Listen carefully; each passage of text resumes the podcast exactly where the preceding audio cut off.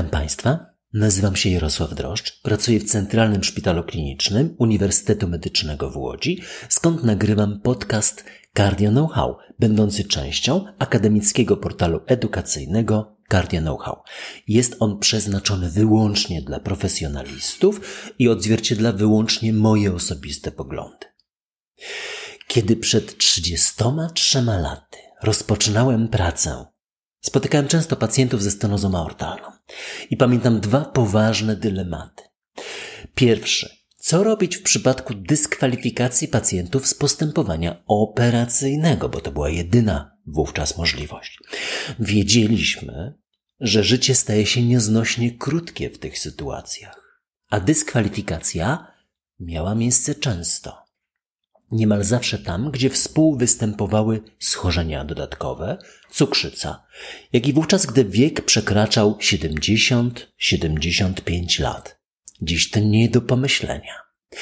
I dylemat drugi.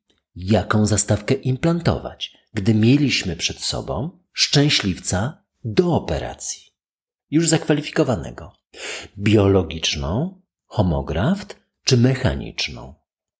Gdyż to właśnie w Łodzi powstał pierwszy bank zastawek homogennych, allogenicznych, a utworzył go nasz pan profesor Antoni Dziadkowiak w roku 1974. Doktor honoris causa naszej uczelni. Uniwersytetu Medycznego w Łodzi. To także niesłychana historia, ale udało się naszemu rektorowi, pan profesor Radzisław Kortek zorganizować uroczystość nadania tego prestiżowego tytułu 28 listopada 2019 roku, a ja miałem zaszczyt wygłaszać laudację, co jest szczególnie niezwykłe, jako że kardiolog prosty jestem, a on, pan profesor Antoni Dziadkowiak, znakomitym kardiochirurgiem. 28, 11, 2019. Co wówczas było? No za kilka miesięcy wszystko zamarło, jako że pandemia COVID-19, do której jeszcze dzisiaj wrócimy. Wracamy do roku 1989, początek mojej pracy. Dyskwalifikacja z leczenia operacyjnego to był olbrzymi dyskomfort u lekarza. Drugi dylemat był prostszy, choć nie tak jak dziś. Wybór zastawki, homograft, ale w Krakowie, dokąd udał się nasz pan profesor Dziadkowiak w roku 1979, lub zastawka mechaniczna, na początku kulkowa, w Łodzi. Większość naszych chorych trafiała wówczas do Krakowa. W porównaniu do tych dylematów pozostała część była prosta. Diagnostyka. Osłuchiwaliśmy chorego.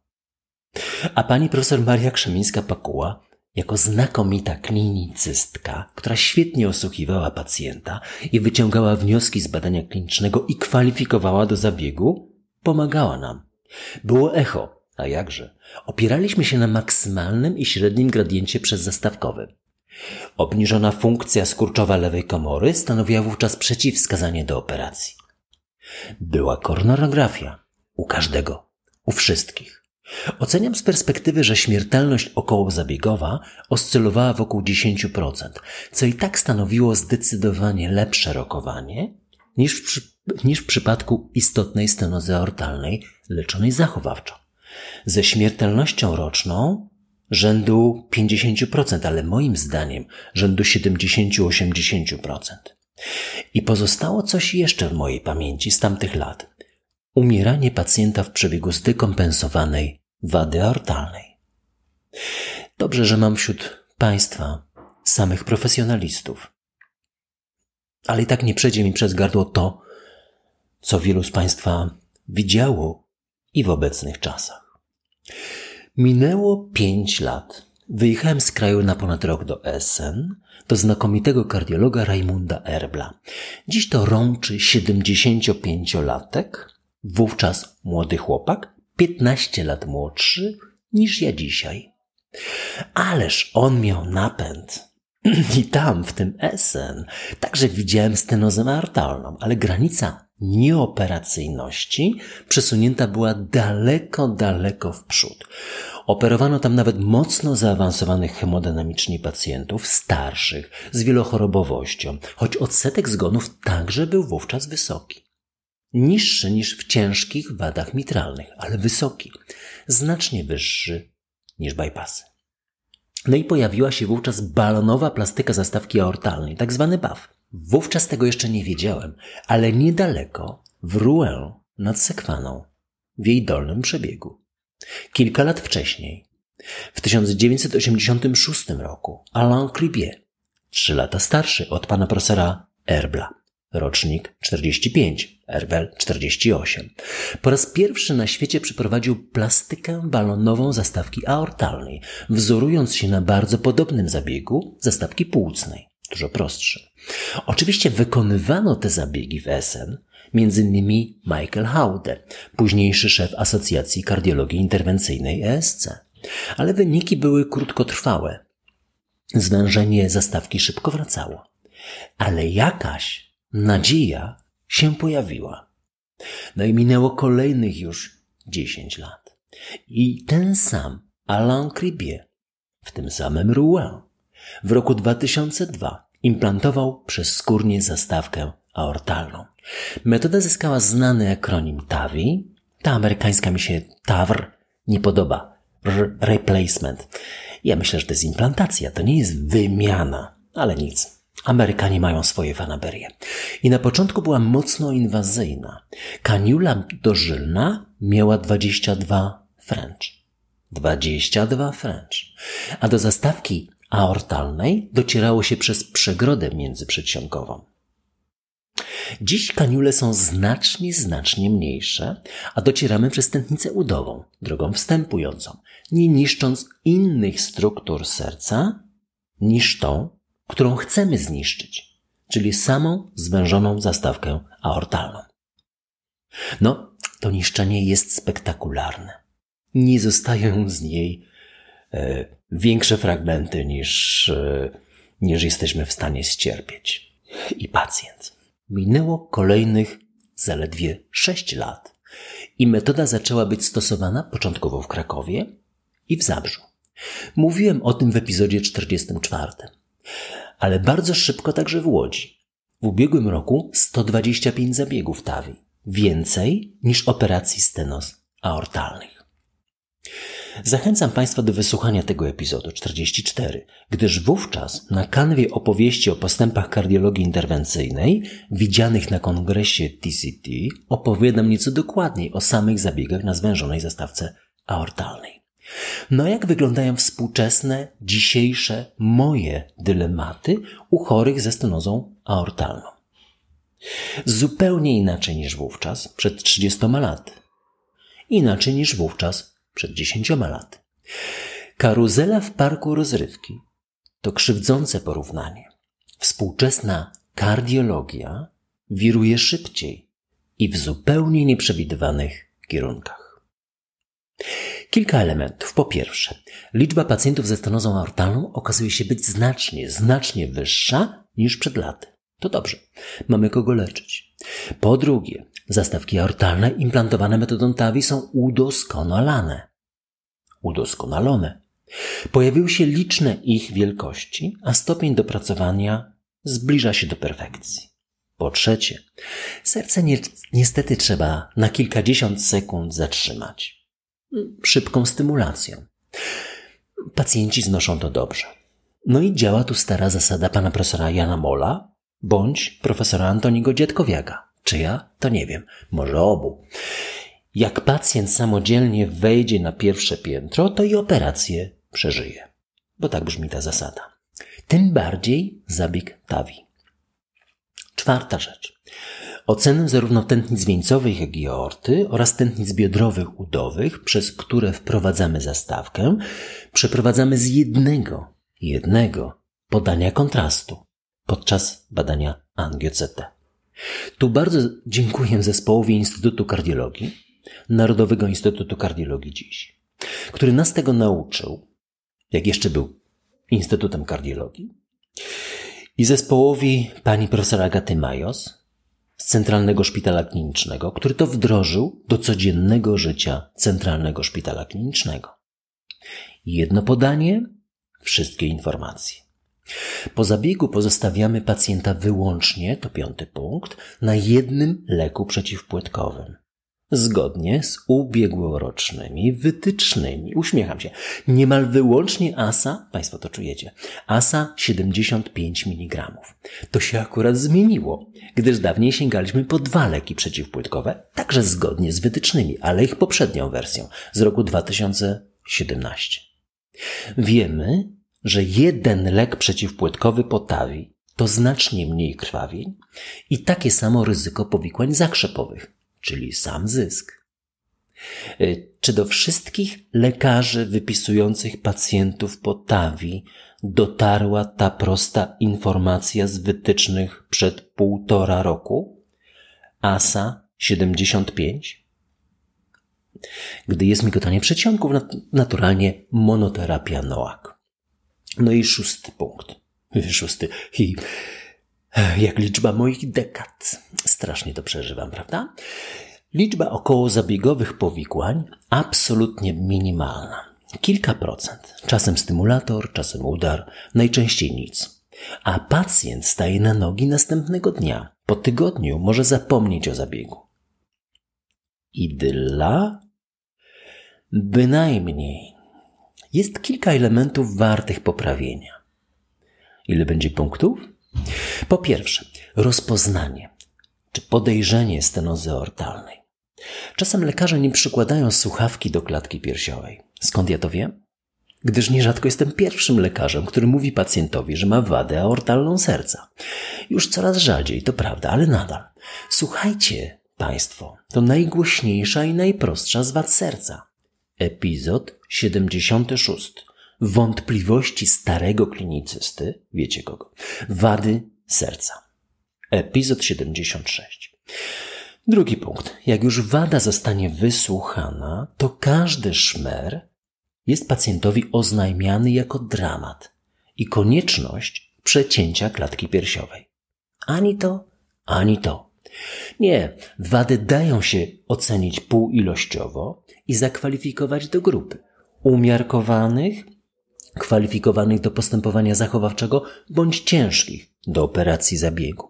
Epizod 76. Punkt trzeci. Jak już rozpoznajemy wadę, to kierujemy na oddział kardiologiczny. Po co? Po co? Większość oddziałów kardiologicznych zupełnie nie zajmuje się wadami serca.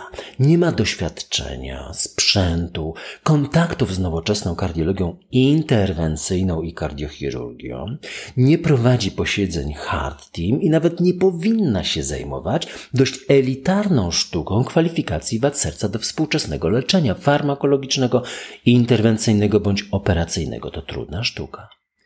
A dlaczego nie kierujemy pacjentów do ośrodków prowadzących takie leczenie, tak jak do nas? Profesor Kasprzak, profesor Plewka, gdyż potrafimy ocenić wady ambulatoryjnie. Akurat stenoza aortalna jest z nich najprostsza. Wystarczy mi kwadrans. Trochę się przechwalam, ale to niedalekie od rzeczywistości. Wystarczy mi kwadrans, nawet jeśli nie mam akurat echokardiografu pod ręką i powiem, w jakim stopniu wada jest zaawansowana i kiedy oraz jak przyjdzie nam ją leczyć. Gdybyście widzieli tyle chorych z wadami co ja i mieli takich nauczycieli co ja, potrafilibyście to Państwo lepiej ode mnie. No ale ja, nawet ja, z moimi ograniczeniami między uszami. Nie? Pojąłem to w końcu. Punkt piąty. Zapomnieliśmy już o BAW. Plastyce balonowej zastawki aortalnej. A ja mam osobiście znakomite doświadczenia z tą metodą. Rzadko ją stosuję, ale i tak to zazwyczaj parokrotnie częściej niż inni. Gdyż co mamy robić, jak pacjent jest w trakcie diagnostyki poważnej choroby nowotworowej? Wykonać tą diagnostykę, czekając z implantacją zastawki? Przeprowadzić TAVI, a następnie wrócić do diagnostyki NEO? My działamy tak. Przeprowadzamy BAF, plastykę balonową, poprawiamy zdecydowanie hemodynamikę pacjenta, zyskując czas na niezbędną i już bezpieczną diagnostykę NEO. Później wykonujemy TAVI. A co gdy pacjent jest w stanie ciężkim? Tu łatwo wskazać na zasadność BAW i to jest zasadnicze przyjęte powszechnie wskazanie. Ale rozważmy to nie w tej ciężko zaawansowanej kategorii. Widzimy na przykład pacjenta z ciężką wadą, ale jeszcze stabilną.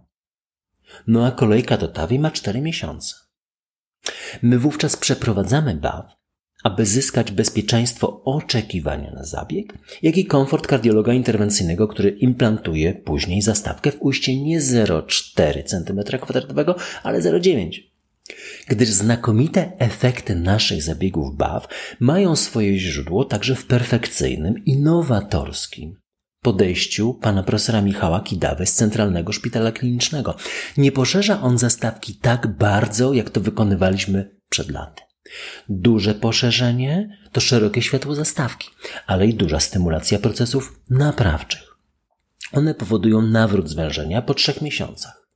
Nasi chorzy po ograniczonym zabiegu BAW z mniejszym poszerzeniem zastawki i mniejszym urazem zyskują jeden, dwa spokojne lata do ostatecznej decyzji zabiegu TAVI, tam, gdzie uzgodnimy wskazania na posiedzeniu Hard Team.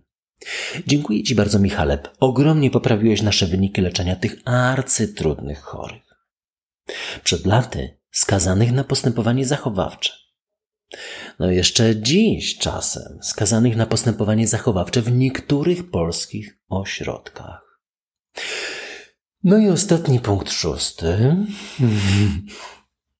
Czy można operować jamę brzuszną u pacjenta z ciężką wadą aortalną? W trybie planowym, gdyż w trybie ostrym to jasne, można i trzeba. A w trybie planowym? No niektórzy moi koledzy, pomijam tu pejoratywny przymiotnik, kierują na koronorografię. Czystą stenozę aortalną z chorobą jamy brzusznej, bez stenokardii. Po co? Po co? Nawet jeśli się znajdzie jakieś zwężenie, implantuje tam stent, to zyskuje się ładniejszy obraz i życie pacjenta o takim samym bądź krótszym czasie jego trwania. Gdy problem leży w jamie brzusznej, a wadę rozpoznaliśmy, gdyż jako pierwsi użyliśmy u naszego pacjenta stetoskopu, to zdecydowaną większość pacjentów można operować w zakresie jamy brzusznej. Epizod 86. Wytyczne SC numer 1. Operacje niekardiologiczne. Proszę, jeżeli pacjent ma chory brzuch, to leczcie proszę brzuch, a nie serce, ponieważ umiecie leczyć tylko serce koledzy kardiolodzy. Naszą kardiologiczną psią powinnością jest brak dyskwalifikacji i umożliwienie leczenia zasadniczej choroby pacjenta, którą jest brzuch, czy którym jest brzuch. Poprawić rokowanie, uzgadniając farmakoterapię kardiologiczną włączyć lub odstawić leki przeciwzakrzepowe, uspokajając pacjenta i chirurga, kolejkując kolejne problemy medyczne, ustalając ich leczenie w roztropnej kolejności. Tak jak u siebie byście to zrobili. Najpierw brzuch, potem tawi. Bądź najpierw baw, potem brzuch, a na końcu tawi. A na koniec, po co się wykonuje koronografię przed leczeniem wad serca? aby wykluczyć chorobę wieńcową, którą można leczyć razem z wadą serca. Tak mówią wytyczne. Ale wiecie Państwo co? Ja w to nie wierzę. Wróć. Jeśli pacjent ma objawy kliniczne stenokardii, to natychmiast należy przeprowadzić diagnostykę choroby wieńcowej. Ja tak robię. Ale jak ich nie ma, to co? Jeśli obraz kliniczny wady ortalnej jest jasny, duszność wysiłkowa bez dolegliwości bólowych. Dwie sytuacje się pojawiają. Po naszej diagnostyce tętnic wieńcowych wychodzi nam, że istotnych zwężeń nie ma i należy, można leczyć wadę serca. W tym przypadku koronarografia nie zmieniła nic. Podaliśmy kontrast, mamy opóźnienie, obciążenie pacjenta, ośrodka, wyższe wydatki budżetu i nic. Strata. A jeśli znajdziemy zwężenie, poza naprawdę rzadkimi przypadkami, nie poprawiamy rokowania pacjenta.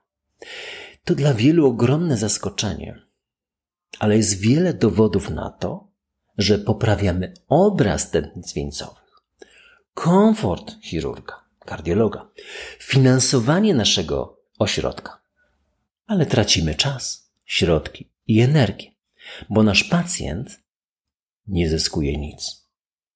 Jego zasadniczym problemem jest wada serca, a nie choroba wieńcowa. TAVI można przeprowadzić u pacjenta z chorobą wielonaczyniową nawet. Po TAVI implantować stent, jeśli spekt wykaże niedokrwienie, a wcześniej w trakcie TAVI implantować stent, jeśli będzie niedokrwienie na stole. Mamy przecież pacjenta. Popatrzcie Państwo na literaturę. I cztery linki do artykułów są w transkrypcie. Oraz podcast Johna Mendroli y, This Week in Cardiology z 26 sierpnia 2022 roku. To mój ulubiony podcast. Nie tylko ten odcinek, każdy. A na koniec, era już post-COVID-19. Dług zdrowotny. Czy wiecie Państwo, że już w 2021 roku na łamach British Medical Journal już w listopadzie 21 praca została przesłana do redakcji, ale opublikowano ją dopiero w maju 22. Praca, która zmieniła nasze podejście do zagadnienia stenozy aortalnej. Operować zastawkę, czy przeprowadzić zabieg przezskórny? Istniejący w Wielkiej Brytanii dług zdrowotny. Tylko między marcem a listopadem nie przeprowadzono w Wielkiej Brytanii 5 tysięcy zabiegów TAVI bądź operacji ciężkiej stenozy aortalnej. Myślę, że w Polsce mieliśmy podobnie. Chyba mniej, bo my jesteśmy lepsi. Wiecie Państwo doskonale z jakiego powodu. Przy łagodnych założeniach, że śmiertelność w ciężkiej stenozie aortalnej jest 50% na dwa lata, moim zdaniem jest wyższa. Mamy trzy warianty przyszłości. Mówimy o Wielkiej Brytanii i 2021 roku półrocznym długu z tamtego okresu. Pierwsza sytuacja, pierwszy wariant przyszłości. Po pandemii działamy tak jak dotychczas. I co się dzieje? Nigdy nie wyjdziemy z długu zdrowotnego. Pracujemy tyle samo, mamy pacjentów tyle samo. System działa. To znaczy, nie do końca tak, bo wyjdziemy z tego długu zdrowotnego, jak umrą wszyscy ponadnadmiarowi pacjenci, bo oni po prostu umierają. Drugi wariant. Po pandemii zwiększamy naszą aktywność interwencyjną i operacje i TAWI o 20%. Jedna piąta to dużo. No i zamykamy dług zdrowotny po prawie dwóch latach. Kosztem 1200 nadmiarowych zgonów. No i wariant trzeci. Tu proponowany domyślnie przez autorów. Po pandemii zwiększamy naszą aktywność o 20%, bo bardziej się nie da, i przekładamy prawie połowę, 40%, pacjentów z wariantu operacyjnego na TAVI, które trwa krócej, angażuje zespół mniej, jest szybsze dla pacjenta, dla szpitala, dla ośrodka. Wówczas wychodzimy z długu po roku kosztem 784 nadmiarowych zgonów. Nadal Państwo uważacie, że można bezkarnie przekładać pacjentów na późniejsze terminy zabiegów w stenozie aortalnej? Nadal uważacie, że dług zdrowotny znika sam? Bez kosztów w postaci istnień ludzkich? Nadal pragniecie dreptać w miejscu, przeprowadzając bezrefleksyjnie koronarografię, a nie rozładowując szybko nagromadzony dług zdrowotny? Link jest w transkrypcie. Colson Whiteheads Rytm Harlemu Oryginał jest z roku 2021. Tłumaczył Rafał Lisowski w roku 2022. Wydało Albatros. Znalazłem pod choinką. Nie wszedłem głęboko w Harlem, gdy w listopadzie 2019 roku ostatni raz byłem w Nowym Jorku. No i dobrze. Cytuję tu fragment. Już się cieszę, ale Różne typy spod ciemnej gwiazdy płaciły mu po 5 centów za drobne roboty. Mowa jest o Pepperze. Pepper był wówczas 11 lat. I wysyłały go do sypiących się czynszówek, żeby dostarczał listy pisane na papierze pakowym oraz koperty, do których nie wolno mu było zaglądać. Jakby ich szwindle go w ogóle obchodziły. Podobały mu się pieniądze kiedy wszedł w okres dojrzewania, wystrzeliło 30 centymetrów do góry i przebranżowił się na rozdawanie kuksańców, a pięciocentówki zamieniły się w zwitki banknotów. Pracował jako wykidajło w murzyńskich klubach przy Barber Coast, gdzie zasłynął z niesygnalizowanych ciosów i oszałamiającego uderzenia wierzchem ręki. No a to nie jest opis głównego bohatera. Pepper nie jest głównym bohaterem. No, obaj mają taki sam kolor skóry, to Państwo wiecie, jak i autor, no Whitehead, jak i Pepper, jak i ten bohater właśnie, który jest obywatelem i w zasadzie prawym, w zasadzie prawym, obywatelem i właścicielem sklepu meblowego na Harlemie. To trzecia książka z podchoinki, wcale nie gorsza niż poprzednie. Trzyma w napięciu do ostatniej strony. Czy opisany powyżej Pepper się zestarzeje i zdziadzieje? Jak ja? Jeśli Państwo będziecie mieli jakieś uwagi, komentarze, pytania, to kierujcie na media społecznościowe Guardian Know-how. Będę też Państwu bardzo wdzięczny za promocję podcastów wśród lekarzy oraz komentarz, choćby jednym słowem i oceną. Slawa Ukrainie!